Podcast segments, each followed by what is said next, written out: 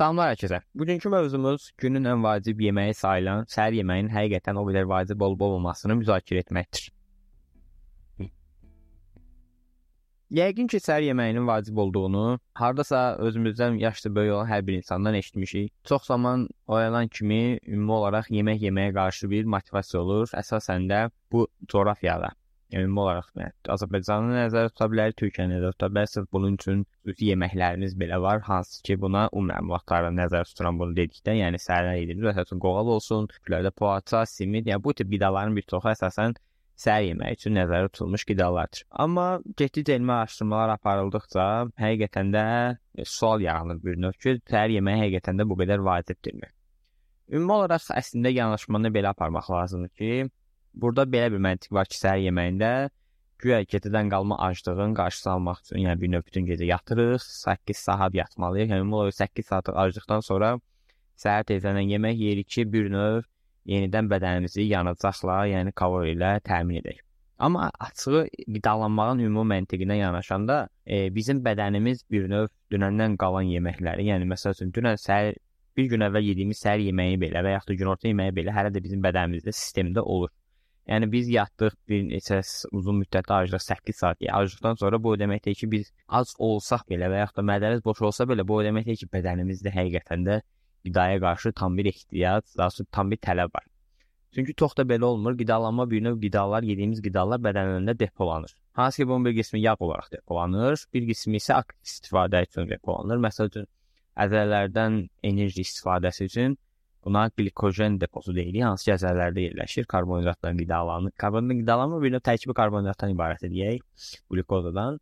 Hansı ki, idman edən zaman bu bundan istifadə edirik. Yəni bu bədən enerji üçün, ümumi olaraq fiziki işi görə bilmək üçün bu enerji resursundan və mənbəsindən istifadə edir. Ümumi olaraq isə burada səhər yemək yeyib yeməməli olduğumuzu, sözsüz ki, bu ümumi olaraq bizim həyat tərzimizdən, ümumi olaraq əgər məsəl üçün idman ediriksə, idmanda məqsədlərimizdən, fiziki olaraq məqsədlərimizdən və bir çox amildən asılı olaraq dəyişir və indi hər bir amilə uyğun olaraq həqiqətən səhər yeməyinin deyildiyi qədər vacib olduğunu və yaxud da tam əksinə olmadığını müzakirə etmək. Birinci məsələ öz yanaşmamla yanaşdım, yəni ümumi olaraq öz həyatımda mən hardasa təxminən artıq 3 il, 3-4 il olar ki, ümumi olaraq səhər yeməyi yemirəm. Yəni səhər yeməyi yemirəm deyəndə nə nəzərdə tuturamsa, ümumi olaraq gün ərzində yediyim ilk yemək deyək, çox zaman 12-dən tez heç vaxt olmur və çox zaman saat 2 yə kimi ilk yeməyimi yemiş olaram. Əsasda mən məsəl üçün həmin gün məşqə gedəcəm, təyə idman günüsə mütləq mütləq məşq etməmişdən əvvəl müəyyən qədər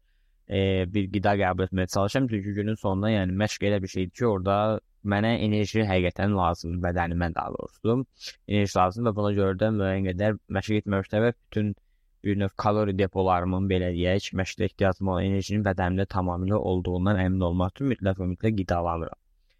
Amma ümumi olaraq baxdıqda məsələ əgər hər hansı bir fiziki iş görməyəcəksinizsə, mənim fikrimcə ümumi olaraq oyanandan sonra ilk bir neçə saatı, ən azından bir, bir saatı mütləq və mütləq az qalmaq hər zaman daha faydalıdır. Nəinki oyanan kimi qida qəbul etmək.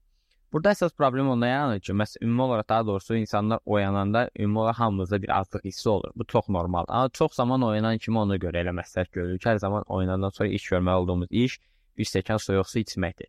Bunun bir çox səbəbi var. Birincisi ümumi olaraq beynimiz və bədənimiz sudan ibarətdir, böyük bir hissəsi.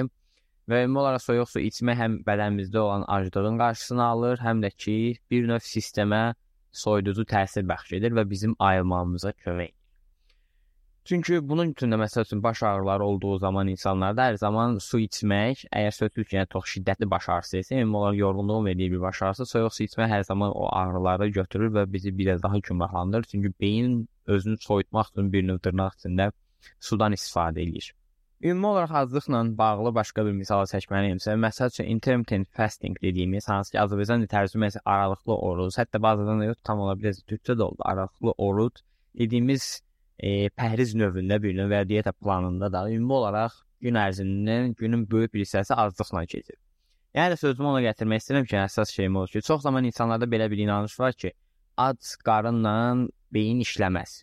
Halbuki bu tamamilə yanlış bir düşüncə tərzidir. Sözsüz ki, aclıq əgər sizə fiziki olaraq narahatlıq verirsə, yəni artıq bir növ acından ölür, ölürəm ifadəsi içindəsinizsə, yəni bu ifadə sizə aid isə, Sözsüz ki, burada artıq e, həqiqətən də bir narahatlıq hissi olduğu üçün sözsüz ki, beynin işləməni ümumi olaraq gündəlik produktivliyimizə neqativ təsir göstərə bilər. Amma ümumi olaraq sadə azlıqlar bizə təsir, mənfi təsir göstərmir, hətta deyərəm ki, müsbət təsir göstərir. Məsəl üçün mən hər zaman ac olanda daha yaxşı, həm beynim, həm özümü daha yüngül hiss edirəm deyə hər bir cəhətdən daha aktiv ola bilirəm. Amma insan yemək yeyəndən sonra biraz daha yorğunluq gəlir. Bunun da əsas səbəbi odur ki, ümumi olaraq qida qəbul etdiyimizdə e, bir növ bədənimiz həmin qidanı həzm edə bilmək üçün e, qarın ətrafı damarlara, yəni həmin çəpərə qan axışı olur. Və bədənimiz də bir növ qanın çox böyük bir hissəsi orada olduğu üçün beynimizə məsəl üçün gedən qanın miqdarı müəyyən qədər azalır və bu da bir növ bizə biraz yorğunluq gətirir. Buna görə Sözsüz burada başqa şeylər də var, hormonların dəyişməyi, insulinin ifrazının artmağı və s. Yəni hamısı hansı ki, müəyyən qədər bizə yuxu fazasına keçişə səbəbiyyət yaradır. Məsələn, məhz buna görə əlbəttə ki, çox az ola yatmaqda ona görə olmuş. E, müəyyən qədər yuxu problemi çəkən insanlar da məsələn çox zaman ən azından yatmamışdan əvvəl çox kiçik bir şeylər yemək yuxuya getmək ehtimalını qat-qat daha da artırır. Çünki burada da yenidən müəyyən hormonlar ifraz olunur və bədən e, bir növ özünü daha enerji sərfiyyatını azaltmaq moduna deyim, loru dildə və yaxud da yəni ifadə kimi bu e, moda keçdiyi üçün bir növ yuxuya getmə prosesini asanlaşdırır. İndi isə məsələyə digər tərəfdən yanaşaq. Kimlər məsəl üçün səhər yeməyi yeməlidir? E, ümumi əgər idmanla məşğul olan bilisinizsə və yəni idman fitness ola bilər bu. Əgər ümumi olaraq özünüzə massa, yəni təki əlavə etmək istəyirsinizsə, e, bulk dediyimiz e, ərəfədəsinizsə, kalori ehtiyacınız yüksəkdirsə, yəni daha çox gün ərzində kalori almaq istəyirsinizsə, sözsüz ki, bu şəraitdə səhər yeməyini bir növ e, buraxmaz e, heç də məntiqli olmaz. Çünki səhər yeməyində siz müəyyən qədər ən azı bir əlavə e, 500 min kalori arası sözsüz ki, bu səhər yeməyinin həzmindən asılı olaraq dəyişəcək. Kalorisi kalori qəbul edə bilərsiniz. Yəni günün sonunda əgər kökəlmək istəyən insanlar məsəl üçün mütləq və mütləq gündə ən az 3 dəfə qida qəbul etməlidirlər. Bundan başqa səhər yeməyinə elə bayaq dediyim mövzulara, məsələlərə görə çox insan qəbul edir deyək. Çox vaxt düşünürlər ki, onların e, ümumi olaraq produktivliyini, beyin funksiyalarının daha yaxşı işləməyinə və s. kömək edəcəkdir. Amma günün sonunda yəni əsas onu bilmək lazımdır ki, bizim bir dəfə yediyimiz bir şey yox, çox uzun bir periodda gün ərzində yediyimiz qidalar bizə həqiqətən təsir göstərir. Məsəl üçün buna başqa bir nümunə olaraq da koronavirus ilə gətirmək olar. Koronavirus yeni-yeni başlayanda hər kəs öz qidalanmağına bir növ müdaxilə elədi. Yəni müsbət müdaxilə özlərinin immunitetini qaldırmaq üçün və s. amma bu heç də yəni sırazu qidalanmanızı dəyişməklə, sırazu qida, yaxşı qidalar dırnaq içində yeməklə siz qətiyyən və qətiyyən immunitetinizi və ümumi olaraq bədəninizin e, ümumi performansını bir növ qaldıra bilməzsiniz. Qidalanma çox uzun müddətdən sonra həqiqətən bədəndə təsir göstərməyə başlayır bir növ müsbət təsir. Yəni, immunitetin artması üçün məsələn ən azı bir həqiqətən uzun müddətli sağlam qidalanma ilə məşğul olmalısınız ki, immunitetiniz yüksək olsun. Yəni mən bir həftə yaxşı qidalanırsam artıq mən immunitetim çox güclü demək biraz doğru səslənmir və ümumi olaraq da praktikada da belə olur. Ümumi olaraq sonluğa gəlsə və nəticəyə gəlsək, e, mənim fikrimcə səhər yeməyi qətiyyən və qətiyyən deyildiyi qədər vacib bir yemək deyil və öğün deyil.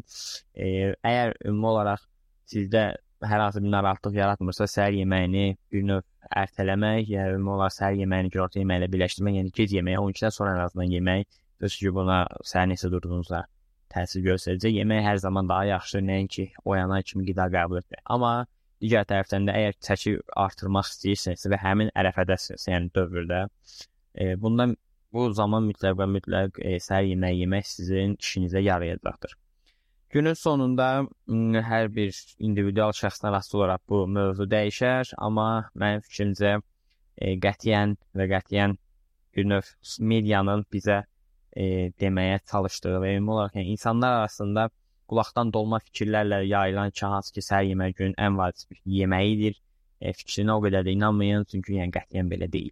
Bəs siz necə ümumi olaraq səhər yeməyi yeməyi sevirsiniz, yoxsa siz də mənim kimi səhər yeməkləri yemirsiniz? Bunu mütləq və mütləq şərhlərdə bildirməyi unutmayın. Ümumi olaraq e, podkastımız haqqında fikir bildirmək istəyirsinizsə bizi məni daha doğrusu məni və podkastımı e, sosial media platformalardan izləyə bilərsiniz. Hansı ki, hər birinin linki yerləşdiriləcək. Açıqlama hissəsindən oradan həm Instagram, həm Facebook profillərimə həm mənim, həm də podkast kanalına daxil olub həm podkastla bağlı fikir bildirə bilərsiniz, həm də ümumi olaraq bu podkastları kimin yaratdığını, daha doğrusu kimin hazırladığı haqqında da azdan çoxdan bir məlumat toplaya bilərsiniz. Hələlik özünüzə yaxşı baxın.